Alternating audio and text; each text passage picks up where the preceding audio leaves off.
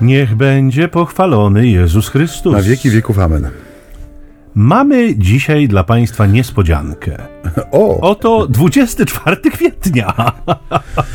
24 kwietnia. Tydzień Tak. po Wielkanocy, a jest to dobrze nam znana Niedziela miłosierdzia. miłosierdzia. Cieszymy się bardzo, bardzo, że możemy w tę niedzielę miłosierdzia gościć u Państwa w domach, tudzież w jakimś terminie pokrewnym, bo słuchacie nas w, z różnych nośników, wobec czego cieszymy się, że, że jesteście z nami i że w tę drugą niedzielę wielkanocną możemy e, znów mówić do Was o Ewangelii. To jest, wiecie Państwo, e, chyba zgodzi się z Maciej ze mną, e, że dla nas największa radość, dla głosicieli słowa jest to największa radość, że możemy je głosić, to po pierwsze, a równie wielką radością jest, że ktoś chce go słuchać, więc e, Zgadzam się z ojcem. Naprawdę y, jest to dla nas, dla nas cenna, cenna rzecz i antena Radia Niepokalanów, na Nam to której, umożliwia. Tak, na której nagrywamy, nam to um- umożliwia i, i też jesteśmy za to mm, dyrekcji i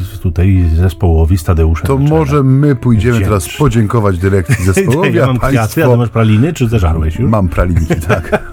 To dobrze. Tak, to staramy się nie jeść pralin, bo jednak y, ćwierć tony z ambony musi być zachowane, żeby nie przeszło nam to w pół tony z ambony, bo nie byłoby to zdrowe. No nie. Drodzy Państwo, no to idźmy do Adremu, bo już dość tutaj dworowania. Ojciec Maciej już ma słowo przed oczami, będzie nam tutaj proklamował, jak to ładnie mówimy w kościołach i e, słuchamy, zamieniamy się w słuch. Ewangelia na dzisiejszą niedzielę jest zaczerpnięta z 20 rozdziału świętego Jana, wersety 19 do 31. Wieczorem w dniu zmartwychwstania, tam gdzie przebywali uczniowie, choć drzwi były zamknięte z obawy przed Żydami, przyszedł Jezus, stanął po środku i rzekł do nich: Pokój wam. A to powiedziawszy, pokazał im ręce i bok. Uradowali się zatem uczniowie, ujrzawszy Pana. A Jezus znowu rzekł do nich: Pokój wam. Jak ojciec mnie posłał, tak i ja was posyłam.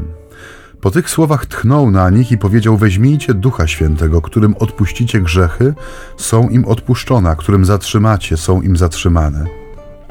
Ale Tomasz, jeden z dwunastu, zwany Didymos, nie był razem z nimi, kiedy przyszedł Jezus. Inni więc uczniowie mówili do niego: Widzieliśmy Pana.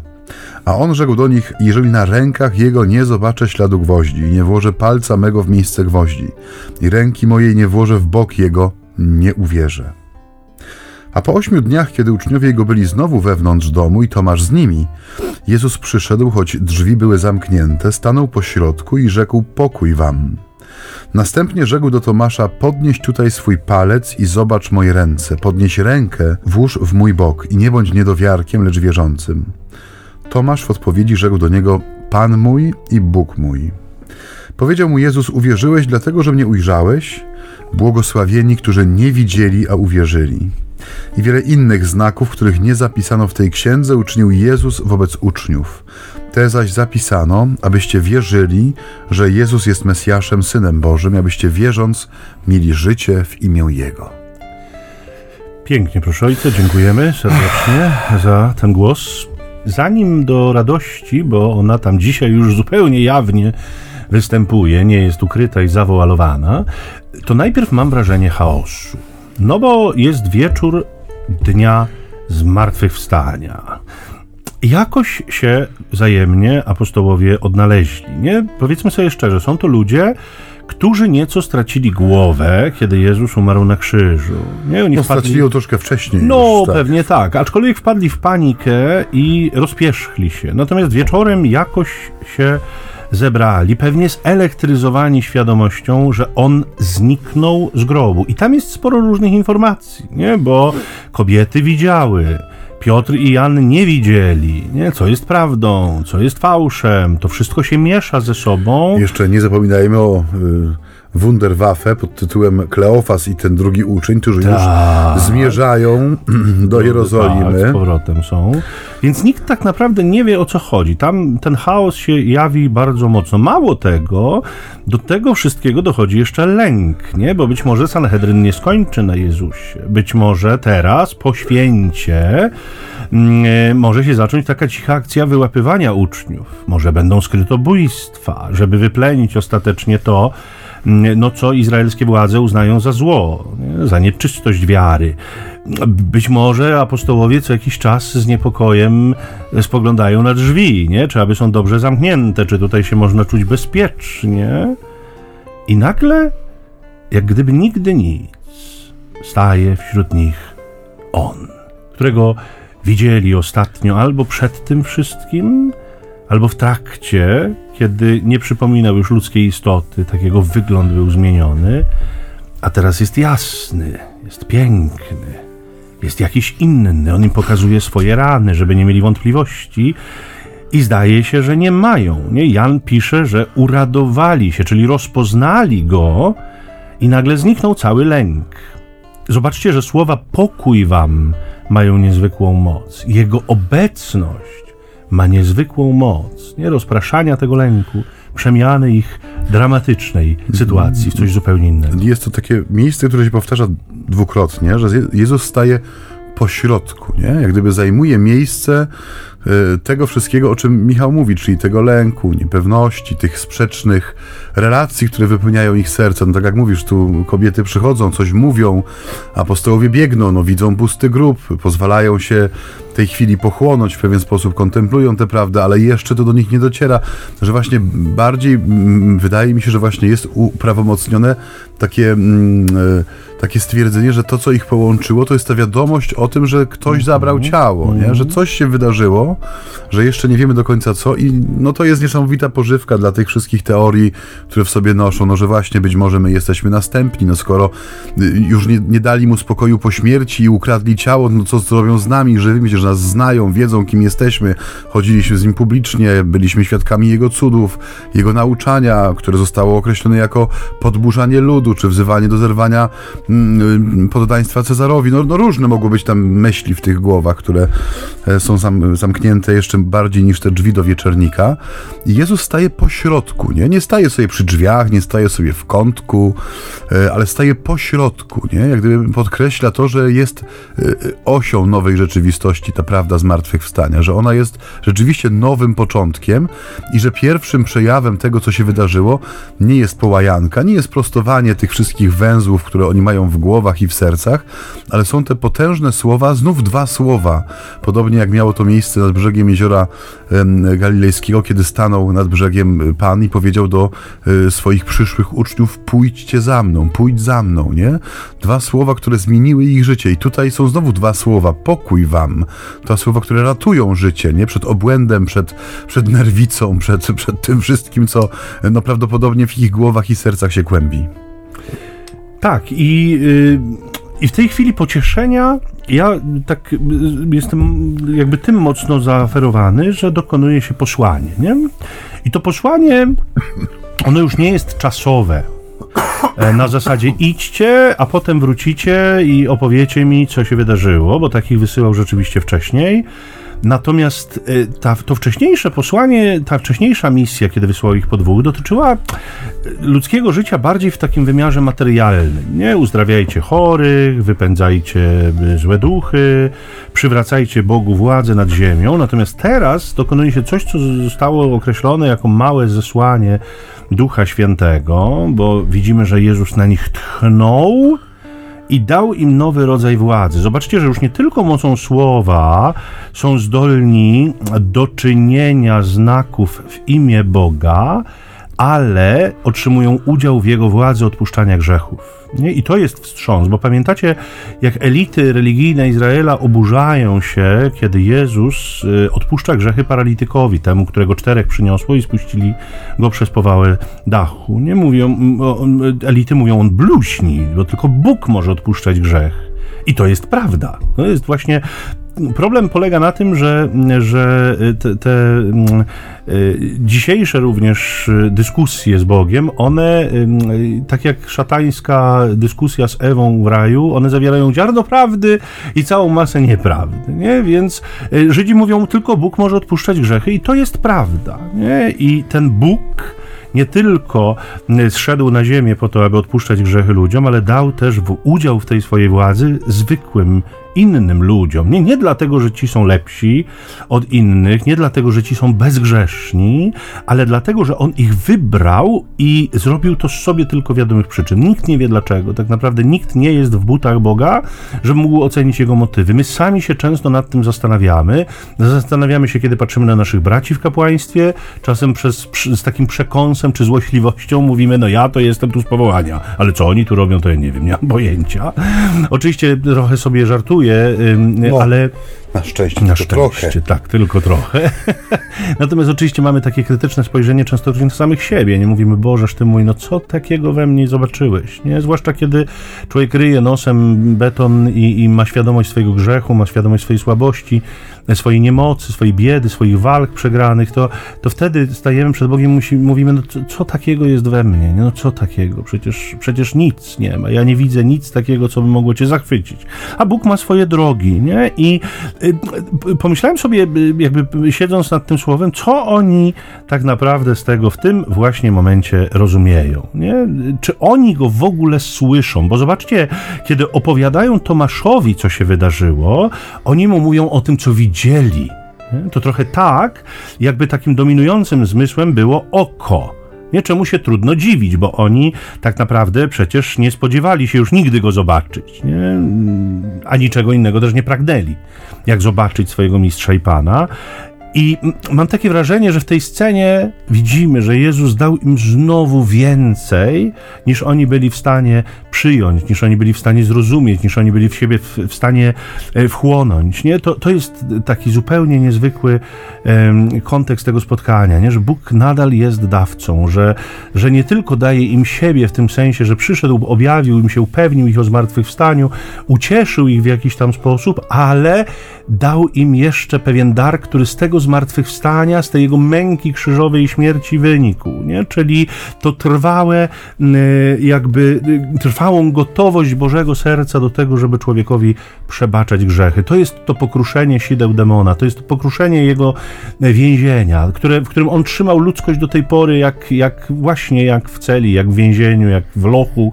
Natomiast Chrystus to skruszył i już tej, w tej chwili demon nie ma gdzie tego człowieka zamknąć, chyba że on sam, ów człowiek, bardzo będzie chciał, żeby zostać zamkniętym i na to się zdecyduje, ale to jakby e, każdorazowo przebaczenie Boga wyrywa go z tej niewoli e, demonicznej, diabelskiej, więc ostatecznej władzy demon nad nami nie ma i mieć nie może i chwała Najwyższemu Panu w Jego zmartwychwstaniu i chwała w Jego pomysłach, że pozwolił grzesznym, byle jakim ludziom szafować tą łaską, łaską przebaczenia. No jest to właśnie coś, co tutaj y, też mnie bardzo często zajmuje, kiedy E, kiedy medytuję sobie, czy kiedy rozmyślam nad mm, tymi tekstami wielkanocnymi. E, to, co tu ładnie ojciec Michał e, wyraził w tych słowach takiej autorefleksji, nie? Co, co Panie Boże we mnie zobaczyłeś, że jest tyle godniejszych, lepszych, lepiej wykształconych, bardziej może słownych, szybciej powstających ode mnie, E, I no to, to doświadczenie tego, że jesteśmy absolutnie niegodni e, tego, e, tego daru, który jest złożony w nasze kruche E, kruche naczynia gliniane, no to jest coś, co powinno też w tym czasie wielkanocnym, e, no wyda, wydaje mi się, powinno być elementem tego świętowania, nie? Bo pytaliśmy sobie, pytaliśmy siebie w zeszłym tygodniu, e, je, czy my potrafimy świętować, dobrze przeżywać ten czas, nie? Co, co jest jak gdyby elementem tego świętowania, czy tylko odpocznienie po tych wszystkich zewnętrznych przygotowaniach i kościelnych, i tych powiedzmy cywilnych, po tym wielkim praniu, prasowaniu, krochmaleniu, bieleniu wszystkiego, czy, czy my jesteśmy w stanie ten czas dobrze przeżyć. I to, co Michał powiedział, nie to pytanie postawione sobie, nie po to z kolei, żeby jakoś się też dyspensować, bo tej postawie, czy inaczej w źle przeżytej postawie tego typu, kryje się też pewna pułapka złego, nie? że y, skoro ja jestem tak bardzo niegodny, to nie ma sensu się starać, nie, nie ma sensu podnosić tej poprzeczki samemu sobie, no bo przecież jestem taki, jaki jestem. U nas na Śląsku się właśnie tak często mówi, że jakżeś mi Panie Boże stworzył, tak mnie moż, nie? Mhm. I to, no jest to coś Y, że można to ubrać w pobożne szaty, nie? Że jestem tak bardzo niegodna, czy niegodny, taka grzeszna i taki grzeszny, taka słaba i taki słaby, że nie ma, no cud cóż Pan Bóg może we mnie widzieć? Co ja mogę zrobić w tym, e, w tym momencie dla Niego? No nic, niewiele, no puste są moje ręce, prawda? Co najwyżej umazane złem i grzechem, a więc niech już tak zostanie, nie? Bo to jest ten, ten też no, geniusz diabła, w tym sensie zły geniusz diabła polega na tym, tak jak mówisz, że on zawsze wrzuci do tego korca swoich przemów względem człowieka to ziarno prawdy, nie? To małe ziarenko, które, na którym zahaczy się moja świadomość. No, no, że przecież tak właśnie jest, nie? No jak, jak tak, jak nie inaczej. No właśnie to, to jest prawda o mnie. A więc my potrzebujemy, aby ta prawda o naszej niegodności, słabość nas nie zmiażdżyła, potrzebujemy jednego. Potrzebujemy tego, żeby Jezus stanął na środku, nie? Żeby nie był gdzieś na peryferiach, gdzieś z tyłu mojego życia, ale żeby w tym małym, ciasnym pomieszczeniu, w którym ja jestem zamknięty z moimi lękami, obawami i właśnie często z jakąś fałszywą pokorą, z takim no, spojrzeniem, które ma w sobie to ziarno prawdy i ocean mm, diabelskiego fałszu, żebym nie zginął, żeby mnie to nie zmiażdżyło, nie? Żeby moją, moją odpowiedzią na to Chrystusowe zwycięstwo nie była osobista porażka, nie? Ładnie zobrazuje. Może pozwolimy naszym radiosłuchaczom na chwilę oddechu.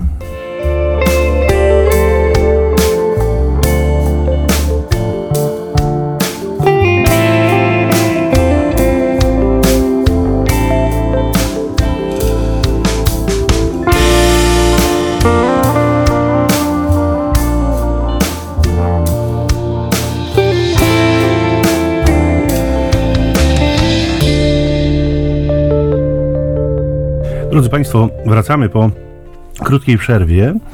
Maciej powiedział, że ten Jezus rzeczywiście w, centralnej, e, w centralnym miejscu, w centralnej pozycji, jakby w naszym życiu jest absolutnie konieczny mm, i tego y, się trzymajmy i to zdecydowanie na tak. Ja tylko jeszcze wrócę na chwilę do tego wzroku, o którym mówiłem. Bo zobaczcie, apostołowie opowiadając Tomaszowi, mówią mu o tym, co widzieli, i Tomasz też mówi o wzroku. Nie? On musi zobaczyć. On jakby był mniej zainteresowany tym, co Pan mówił, bo on chce widzieć, on chce wkładać palce w rany, on chce się sam przekonać. Nie? I chociaż oczywiście my rozumiemy wyjątkowość tej sytuacji i te pragnienia, to jednak trudno oprzeć się wrażeniu, że uczniowie, jak i wszyscy inni, no i tu z takim smuteczkiem o tym mówię, raczej bardziej są zainteresowani telewizją niż radiem.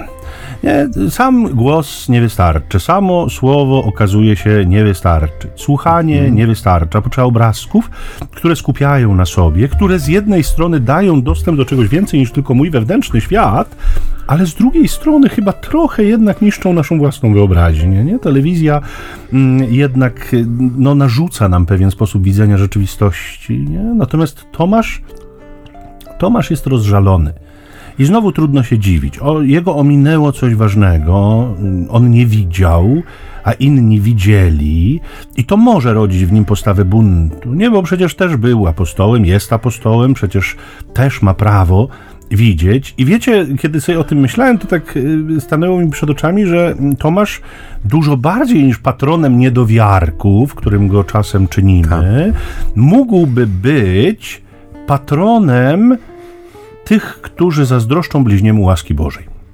Że tym mógłby rzeczywiście Tomasz patronować. My słyszymy o tym dosyć często, nie? Czasem takie są głosy, ludzie to mają życie duchowe, nie? Ja to nie umiem, mnie Pan Bóg tak nie obdarza jak innych, nie? Ta nasza skłonność do porównywania się z innymi jest zdumiewająca a w konsekwencji, niestety, często zamiast pokornej prośby, takiego pragnienia wobec Boga, żeby jednak mnie prowadził dalej, pojawia się taki bunt, który rodzi deklarację: tak, nie, to nie. Mhm. nie, nie będę się prosić. Natomiast zauważcie, że Tomasz doznaje w tym kolejnym spotkaniu, które się dokonuje, najpierw łaski pokoju, nie? bo jego serce jest nadal pełne bólu i smutku. Zwróćmy na to uwagę, nie? że on jest w tym, jakby w swoim dojrzewaniu duchowym, on jest tydzień opóźniony nie? w porównaniu do innych apostołów. Nie? On jest w innym miejscu niż wszyscy. My go y, jakby mm, y, oceniamy z, z, takiej perspektywy, jak on był, był na tym pierwszym spotkaniu i, mm. i, jakby miał winę w tym, że przeżywa to tak, jak przeżywa w tej chwili. Natomiast on to przeżywa właśnie dlatego, że go tam nie było. Nie wiemy dlaczego, nie znamy przyczyn, dla których go tam nie było. Natomiast on nie, nie, nie doświadczył tego wszystkiego, więc jego serce musi być pokrzepione dokładnie tak samo, jak serce pozostałych uczniów. I ten pokój staje się jego udziałem i to, co się w kontekście tego dzieje, też jest fascynujące. No ojciec to tak pięknie zawsze umuje, że ja mam ochotę po prostu usiąść i kontemplować te słowa w milczeniu, a Państwu, państwu zapodać jakąś muzykę tutaj towarzyszącą tym moim westchnieniom no, głębokim. E, to, to też ciekawe, co mówisz o tym, że ty, e, o pewnej konieczności wyrozumiałości dla Tomasza, nie? że Y, weźmy pod uwagę, że ta y, Ewangelia nie ma nagłówka niewierny Tomasz, ale błogosławieni, którzy nie widzieli, a uwierzyli, trochę szerszą, nie? że myśmy przywykli do tego, że mamy tą ksywkę, ten, ten, ten nickname po angielsku, mm. prawda? Niewierny Tomasz, nie? Kiedy on nie jest, on nie tyle jest niewierny, co on jest właśnie, no użyję tego słowa jeszcze raz, on jest y, jak gdyby o tydzień opóźniony w tym rozwoju. To słońce, czyli Chrystus stojąc na środku pada, że tak powiem, na pąk jego wiary o 8 dni później niż na pozostałych. Czy to jest dużo, czy mało? No w tej perspektywie Ewangelii, którą rozważamy w dniach wielkanocnych, to jest bardzo dużo, nie? Bo tam bardzo dużo dzieje się w ciągu jednego poranka, nie?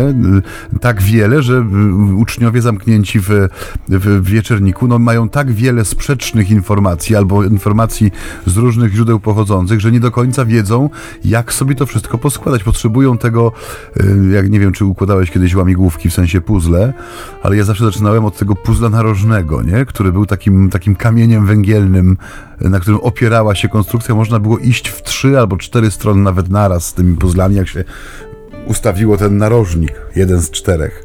I Chrystus jest takim narożnikiem dla tych narracji. Niekiedy on staje na środku, nagle te wszystkie puzzle wskakują na swoje miejsce. Nie mają te ząbki, te wypustki tak ukierunkowane, że on rzeczywiście jest wypełnieniem, że jest jego zarys jak gdyby w tej, w tej, w tej mnogości narracji, ale dopiero jego konkretne pojawienie, tak jak mówisz, telewizja dopiero sprawia, że to wszystko wskakuje na właściwy, na właściwe miejsce i możliwe jest, żeby ta historia zaczęła w nich pracować, nie?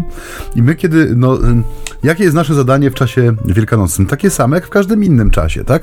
My jesteśmy powołani, nie mówię tylko o osobach duchownych, konsekrowanych czy wyświęconych, ale o każdym człowieku wierzącym, który poprzez swój sakrament chrztu jest na swój sposób prorokiem, nie? Ma udział, jest, jest, ma udział w tym kapłaństwie powszechnym, ale też jest, jest poprzez to prorokiem, tak mówi pięknie rytuał e, chrztu, żeby ten ochrzczony wytrwał z Chrystusem kapłanem, prorokiem i królem, e, aż, aż po życie wieczne. I my jesteśmy jako ci jako ci prorocy jesteśmy wezwani do tego, nie żeby przepowiadać przyszłość, tylko żeby dokładnie robić to, do czego powołany jest prorok, czyli pomagać człowiekowi w tym sobie, zrozumieć teraźniejszość. I nasze powołanie jako ludzi Wielkiej Nocy, jak to ładnie e, określił kardynał Cito Tagle, mm -hmm. że jesteśmy ludźmi Wielkiej Nocy, Wielkiej Soboty właściwie jesteśmy ludźmi, ale Wielkiej Nocy w domyśle. I naszym powołaniem jest, żebyśmy właśnie pomagali człowiekowi spotkać Chrystusa, który jest tym, no przepraszam, elementem układanki, od którego wszystko się zaczyna, na nim wszystko się opiera. Od niego można dopiero iść na północ, południe, wschód i zachód, budując cokolwiek, co będzie miało jakiś kształt, sens i wartość.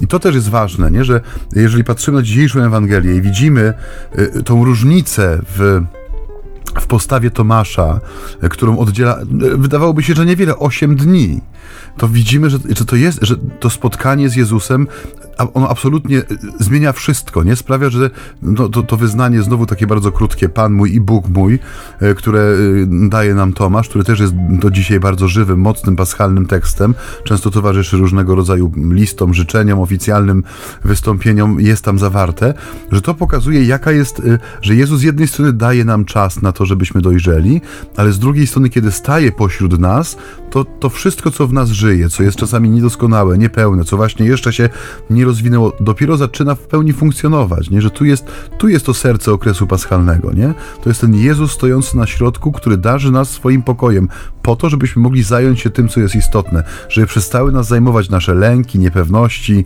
poczucie właśnie niegodności, czy tego, że może ktoś inny zrobiłby to lepiej. Tak, ja muszę przyznać, że, że ta propozycja Jezusa jest taka no fantastyczna, nie? Bo on spełnia pragnienie Tomasza. On mówi: zrób to, co chciałeś.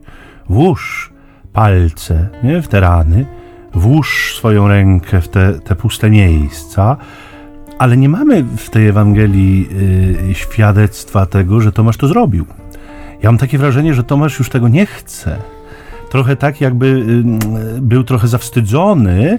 I to wyznanie, o którym powiedziałeś przed chwilą, to jest, zauważcie Państwo, to jest takie wyznanie, na które nigdy żaden z uczniów się nie zdobył.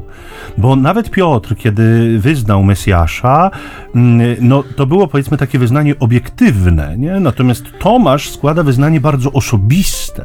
Tomasz składa wyznanie dotyczące konkretnie jego życia, wyznaje bóstwo Jezusa, a to jest chyba mocno przełomowe, bo wcześniej wspominałem o tym wielokrotnie.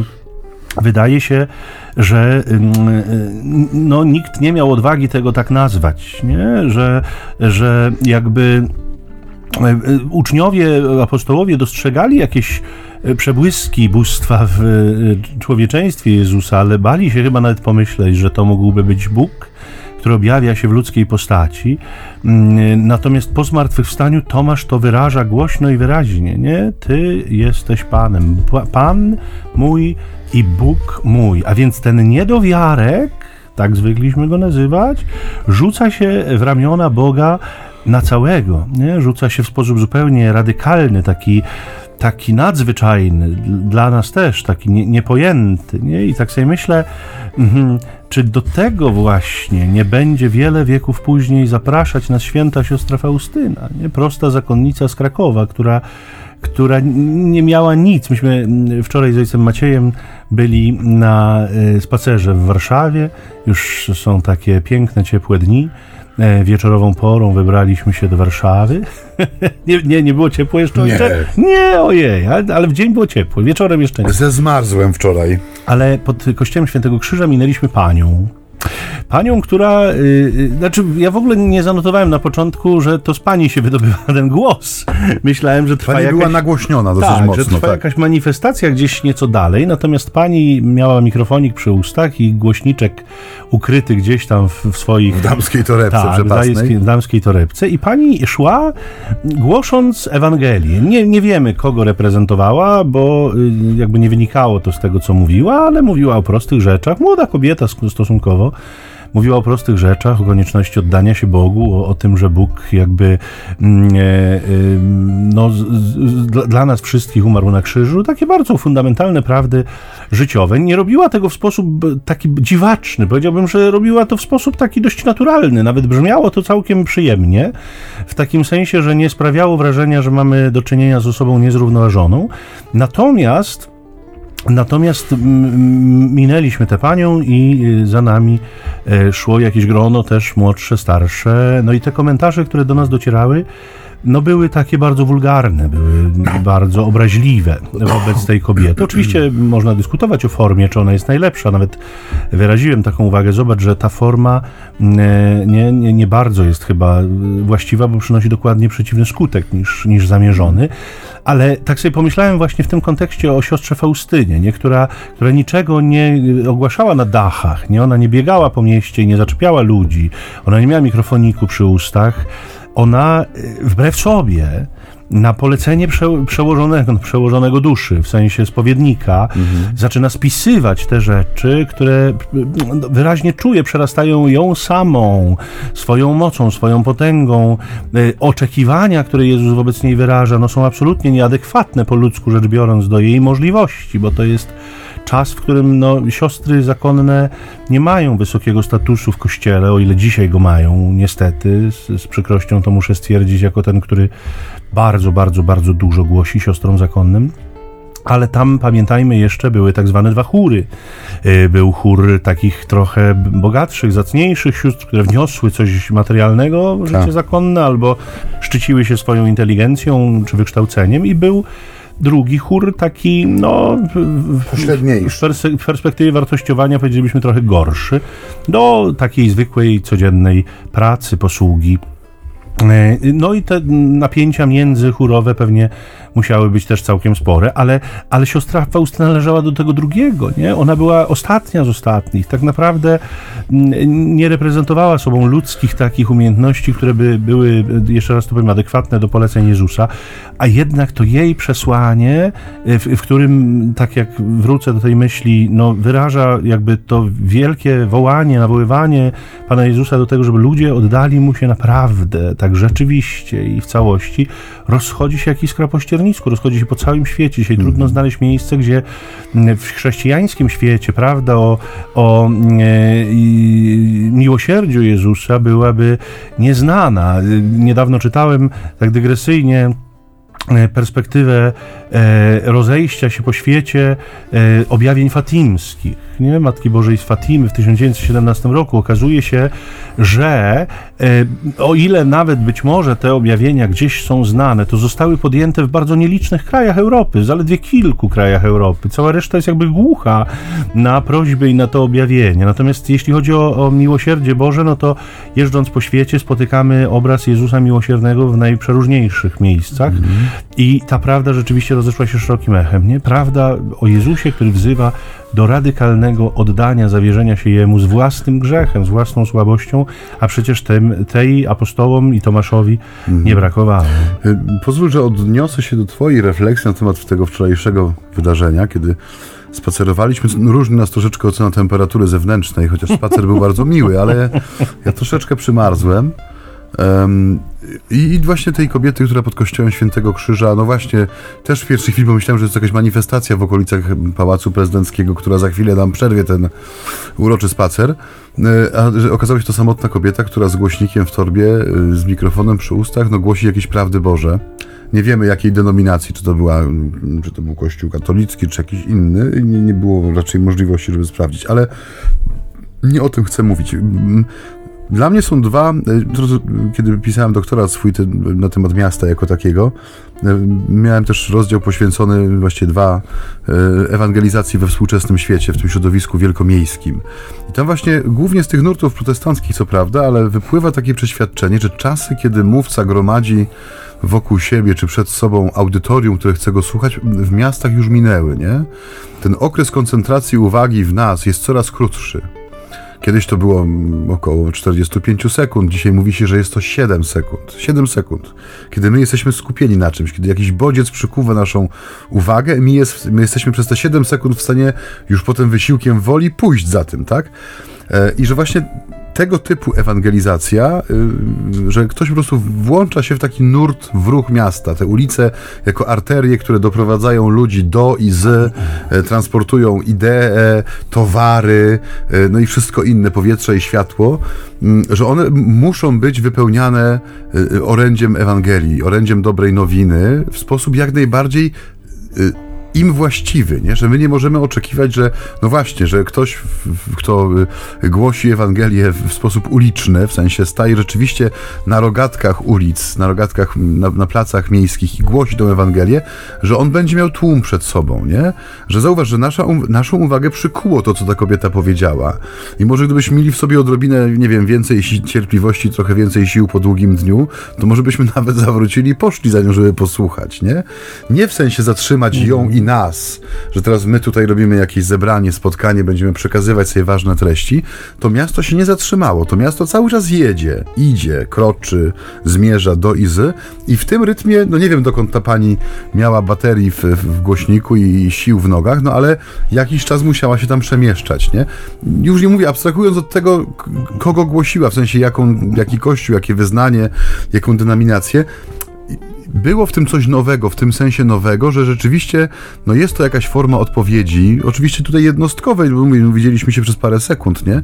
Ale mnie to uderzyło, nie? Że w tym, w tym huku miasta, takim już wieczornym, co prawda, może trochę gasnącym, w tym nieustającym ruchu, e, zapalających się światłach ulicznych, no, przestawieniu się ten nocny tryb życia, który no, jest kojarzony z jakimś takim e, często z taką mroczną stroną miasta, nastawioną na konsumpcję, no, jakiś tam bardzo często właśnie się tak. pojawiają ludzie, którzy tej Ewangelii mogliby mm, pragnąć, usłyszeć. Usłyszeć, no, nie? Tak. Że pojawia się człowiek, który sobie idzie i głosi Ewangelię, nie, nie zatrzymując się, nie robiąc, nie, nie wiem, nie, nie, nie czując się rozczarowanym, że właśnie, nie wiem, ustawiła sobie ta pani jakiś stolik czy podest i nikt do niej nie podszedł. To ona się tym nie przejmuje, bo ona idzie, razem z człowiekiem idzie, nie?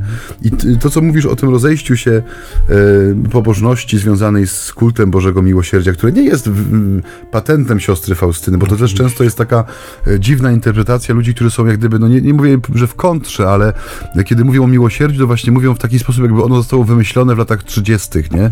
W Płocku czy w Krakowie, Łagiewnikach. Nie, no przecież ona głosi prawdę, która jest obecna w sercu objawienia Bożego od pierwszych chwil, e, od pierwszych stron Biblii, kiedy ją otwieramy, nie? Że widzimy, że Bóg jest e, miłosierny, przede wszystkim miłosierny względem swego stworzenia. Ale do czego zmierzam? Że ta prawda e, w ujęciu siostry Faustyny, właśnie w jej posłuszeństwie i pokorze i w tym, że to jest człowiek, który właśnie, tak jak mówisz, jest człowiekiem z drugiego chóru, nie? To nie jest osoba z, z, z tego frontu, nie? Z, z, nie jest w jakiś sposób usposobiona e, naturalnie też, no nie wniosła nic do swojej rodziny zakonnej w posagu, żeby ją posadzić w pierwszym chórze, że to jest człowiek, który no, żyje posługami wyznaczonymi przez przełożoną. Nie jest nawet w tym samodzielna, że nie może decydować o tym, co robi, nie? Że to, to tło orędzia Bożego Miłosierdzia, że ono jest wpisane w tą codzienną krzątaninę, nie? Że, to, że można sławić Boże Miłosierdzie obierając ziemniaki, nie? Dla wspólnoty, czy, czy szorując posadzkę długiego, okraszczonego korytarza. To jest pewna rewolucja, która sprawiła, mnie się wydaje, że zauważ, że szczególnie w tych krajach, które po ludzku nazywamy rozwijającymi się, nie? Ja byłem w szoku, kiedy zobaczyłem jak mocno koronka do Bożego Miłosierdzia i pobożność związana z dzienniczkiem siostry Faustyny jest zakorzeniona na Filipinach, nie? Kraj, który jest no, od nas odległy kulturowo, językowo o 12 tysięcy kilometrów, nie? Zupełnie inny pod wieloma względami, nie? Ciągle też naznaczony wieloma napięciami, nie? A tam ta prawda o Bogu Miłosiernym w ujęciu siostry Faustyny wydaje mi się, że właśnie dzięki jej prostocie, dzięki temu, że tam nie ma czego zbijać z pantałyku, nie? Tam się nie ma czego uchwycić. To jest prosta, posłuszna zakonnica, która, mówię, no nawet w tym, co będzie robiła, jest w kontrze do tego świata, bo nie jest sobie sterem, żeglarzem i okrętem, ale czy, czytając jej życiorys, czy, czy właśnie dzienniczek chociażby, no widzimy, że ona była w tym posłuszeństwie, no nie chcę powiedzieć, że doskonała, nie? Ale w sensie, że to była przestrzeń jej wolności, nie? że ona nie, nie decydując o sobie na, nawet w tym wymiarze, była w tym tak cudownie wolna. I to jest też jeden z wymiarów miłosierdzia, nie? że ten pokój, który Chrystus daje, to miłosierdzie, które daje apostołom, w sensie, no weźcie, weźmijcie i idźcie, że to jest związane z tym, że on ich wyzwala, nie? że to stanięcie na środku zamkniętego wieczernika, mimo drzwi zamkniętych, że to jest rzeczywiście potężny gest wyzwolenia, uwolnienia, pokazuje im na, na ich przykładzie, co to znaczy krzyż i zwycięstwo krzyża, nie? Czym ono jest w perspektywie naszej słabości, tej niegodności, o której mówiliśmy wcześniej. Że to jest rzeczywiście wyzwolenie człowieka i nie zostawienie go samemu sobie, bo człowiek zostawiony samemu sobie za chwilę sobie coś wymyśli, nie? Ale posłanie go, nie? Bo tak jak często żartujemy tu z ojcem Michałem, że wiele problemów życia zakonnego bierze się z tego, że ludzie nie mają roboty, nie? Że nie mają roboty, więc zajmują się głupotami. Coś w tym jest, nie? Że jak nie mam co robić, to sobie wynajdę zajęcie podług mojego pomysłu, ale to nie zawsze będzie dobro, nie? Mm. To jest y, y, jakby ciekawe, co mówisz, jeszcze wrócę do tej sceny z wczoraj, y, bo my chyba jako kaznodzieje zwłaszcza mamy takie doświadczenie, że no najlepiej smakują nam stadiony. Nie? To znaczy te miejsca, gdzie jest dużo ludzi, gdzie ludzie nas chętnie słuchają, gdzie aprobują, gdzie pochwalają. No jesteśmy w tym okresie, my przynajmniej ciągle okresie wielkopostnym, bo z Państwem już jesteśmy w okresie mocno wielkanocnym, ale, ale my jeszcze, jak wiecie, nagrywamy to nieco wcześniej, jest Wielki Post, więc my z ojcem Maciejem na tych rekolekcjach wszelakich i i mam takie odkrycie tego roku, że po ośmiu bodaj latach, po długiej przerwie w Stanach Zjednoczonych i, i potem w Polsce też nie miałem okazji głosić rekolekcji dla dzieci i młodzieży. Oj, oj.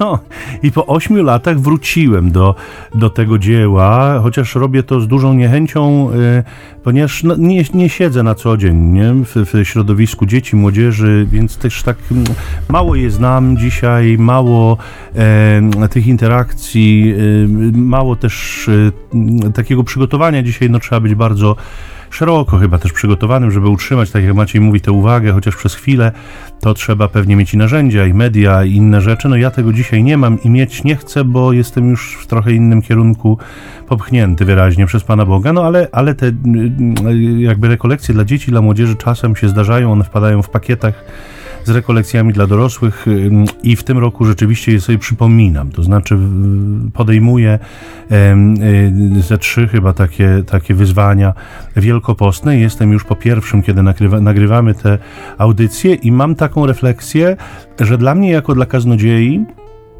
który głosi dużo, głosi chętnie i to jego głoszenie jest przyjmowane raczej y, pozytywnie. To znaczy, nawet nie tyle chodzi o jakiekolwiek pochwały, co chodzi o pewną aprobatę, o to, że ludzie, ludzie przychodzą i mówią, dało mi to coś, jest, jest to w porządku, jest, jest, niech ojciec jakby kontynuuje. Mm, e, to muszę przyznać, że te doświadczenia z dziećmi, z młodzieżą, one bardzo mnie leczą z pychy.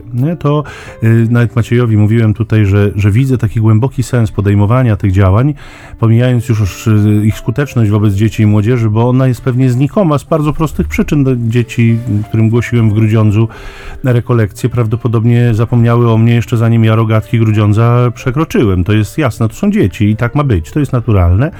Natomiast y, ich sposób słuchania, który też jest często niezłośliwy, wynikający z tego etapu życia, w jakim są, czyli właściwie niesłuchania i, i zachowania, które, które znacząco odbiega od zachowania dorosłych, one y, no, bardzo mocno jakby dotykają, nie? one upokarzają, one, one w taki sposób jakiś tam trzeźwią, nie? że to nie, ja nie jestem taki super hiper, że trzeba też tak sobie krytycznie na siebie spojrzeć i, y, i to kosztuje.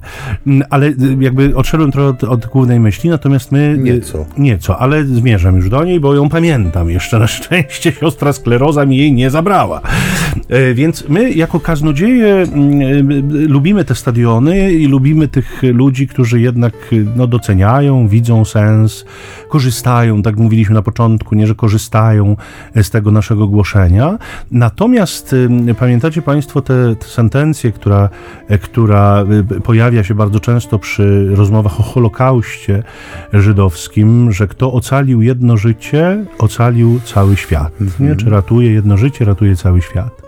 Mm, I w perspektywie głoszenia Słowa Bożego, i tu odwołuję się do tej sytuacji z wczoraj, kto ocalił jedną duszę, ocala cały świat. Nie? Więc być może te nasze e, ambicje stadionowe nijak się mają do tego, że być może do tej kobiety jedna osoba podejdzie, która tego przesłania naprawdę potrzebowała. Być może jedna z tych tak. milion, miliona czy dwóch milionów mieszkańców Warszawy e, zostanie chwycona przez jej głoszenie i pójdzie z tym dalej, otrzyma coś, czego w tej godzinie najbardziej potrzebowała, no to y, jakby y, chwała najwyższemu Panu, nie? I, i, tak i wielka, wielka łaska i mówię, nijak się to ma do, do wielkich stadionów, ale, ale co, do, co do dzieła, które się tam dokonuje, no to ono jest tak samo prawdziwe. Nie? Jest to wpisane w, jak gdyby w logikę tego tekstu, nie? No przecież gdybyśmy tak po ludzku pisali Ewangelię, to wiele bardziej sensowne byłoby, gdyby to spotkanie odbyło się chociażby na murach Jerozolimy. Mm, tak. Gdyby Jezus objawił się w swoim blasku, w swojej chwale, pokazał swoje ręce, nogi i bok tym wszystkim, którzy e, krzątają się wokół swoich spraw E, tym wszystkim, którzy krzyczeli na krzyż z nim. Gdyby się, nie wiem, pojawił w, e, w pałacu e, arcykapłana, czy na dziedzińcu Piłata, zawołał go po imieniu i powiedział, zobacz, zwyciężyłem, nie? I żeby to, i pewnie mielibyśmy też bardziej wiarygodne w sensie dla wielu świadectw, bo spisaliby to pewnie wszyscy, którzy byli świadkami, mm. jacyś skrybowie, urzędnicy, byliby zaszokowani. Tymczasem Jezus wybiera na moment objawienia się w chwale, w sensie w ciele uwielbionym, zmartwychwstałym, grupce zalęknionych ludzi, którzy się go wyparli siłą rzeczy, którzy go zdradzili, nie? Tak jak Judasz, który nie jest świadkiem już spotkania ze zmartwychwstałym względu na śmierć, którą wybrał. Ale y, no i ten moment jest jednostkowy. Dzisiaj, gdyby to jest, to, to jest Ewangelia o Tomaszu. O jednym nie? człowieku. O jednym Dzisiaj człowieku. I to, co mówisz, mnie to też zawsze porusza, bo miałem taką dyskusję z jednym ze współbraci, który krytykował zasadność prowadzenia mszy świętych porannych w parafii, bo przychodzą na nie trzy osoby, nie? I, i jakiś czas temu miałem takie Czasami po mszy tej porannej, kiedy tam się krzątam, gaszę świecę, sprzątam ołtarz, ktoś podchodzi, bo chce przekazać intencję mszalną, albo podziękować, albo wziąć paschalik caritasowski do domu. No i pod, podszedł jeden człowiek, który, i to był chyba pierwszy raz u nas w kościele na tej mszy, i mówi, proszę księdza, mówi, ja chciałem księdzu bardzo podziękować, mówi, nie, bo u nas w parafii też są msze poranne, nie, ale z racji na małą liczbę uczestników, one są, y, trwają 15 minut, nie, tak jakby księdzu się spieszyło, z racji tego, że no nie ma tego stadionu tak, przed nie sobą, stadionu. nie ma żadnego słowa, nie ma, nie ma słowa wstępu, nie ma słowa refleksji po Ewangelii. Msza kończy się 18 po 7 zgaszonym światłem w kościele, nie? No my zawsze mamy raz, że wpisane w nasz charyzmat to Słowo Boże, więc mamy na każdej mszy, czy jest jedna osoba, czy jest ich 100, mamy przepisaną y, homilię i jest ona rzeczywiście codziennie, a dwa ta msza zawsze jest taką mszą, jaka jest... Y, wieczorem przy pełnym kościele, nie? Czasami może jest trochę mniej światła, bo też ja osobiście lubię, kiedy kościół jest wypełniony światłem wpadającym przez witraże, więc często nie zapalam górnych lamp, tylko zostawiam boczne oświetlenie kinkietowe, takie i jest kościół wypełniony tym porannym światłem witraży, które jest bardzo ładne. Jesteś takim romantykiem. No mam coś w sobie, tak, już to kilka osób powiedziało. Ale do czego zmierzam, że to, to, to, co mówisz, y, tutaj też wybrzmiało, nie? że mm, jest w nas głód stadionów, gdy tymczasem zauważamy, że największe cuda Boże dokonują się w, relacji do konkretnego człowieka, nie? I to jest coś, coś co ten, na ten czas y, wielkanocny chcielibyśmy wam zostawić, że każde wasze doświadczenie, przeżycie tego czasu w bliskości Pana Jezusa, kiedy pozwalamy, żeby On stanął na środku naszego wieczernika, to jest czas ożywczy, nie? Tu nie ma sensu oglądać się na, na tłumy, czy szukać tłumów też za swoimi plecami, bo to, to jest mój moment, nie? To jest mój czas, moje spotkanie ze zmartwychwstałym w Jego słowie, w liturgii, w osobistej modlitwie, w tej prozie życia, w tym obieraniu ziemniaków i czyszczeniu klasztornych y, korytarzy. Y, I teraz Tak. ojciec tak spuentował, że ja już nie mam nic No. do dodania e, poza adresami korespondencyjnymi, które szybciutko. Numer to telefonu, numer telefonu, którym zawiaduję ja i ten numer jest SMS-owy, przypominam. To jest numer 785 777 100 785 777 100. Ojciec Maciej zawiaduje facebookową stroną e, naszej audycji pod tytułem tak jak nasza audycja między nami Tak homiletami, jest. czyli ćwierćtony zambony. Tam oczywiście zapraszamy Państwa do udzielania się. No i miejsca, w których możecie nas słuchać, to już jest domena Macieja zawsze. Tak, można nas słuchać właściwie cały czas, całymi dniami. No tak, za pośrednictwem serwisu Spotify, na platformy podcastowej Google Podcast oraz serwisu muzycznego z jabłuszkiem. Ja cały czas nie jestem w stanie sobie przypomnieć, jak on się nazywa. Kiedyś to był iTunes, teraz się jakoś nowe Apple Music chyba nazywa. No ale ci, którzy mają, to wiedzą. Tak. Tam też można nas znaleźć. Oprócz tego jest jeszcze zakładka na stronie Radia Niepokalanów, gdzie są także e, em, wszystkie audycje umieszczone, także można ich tam też wysłuchać. No, także zapraszamy do tego, żeby zapoznać się ze starszymi odcinkami naszych audycji. E, z, z chrząsie dowcipem, poprawnym językiem polskim, głębokimi przemyśleniami. Nic, tylko brać. Tak, więc na ten dzień, na ten czas miłosierdzia, niech Was błogosławi, strzeże, umacnia i prowadzi Wszechmogący i miłosierny Bóg, Ojciec i Syn i Duch Święty. Amen. Dobrego dnia, dobrej nocy, pokój dobra.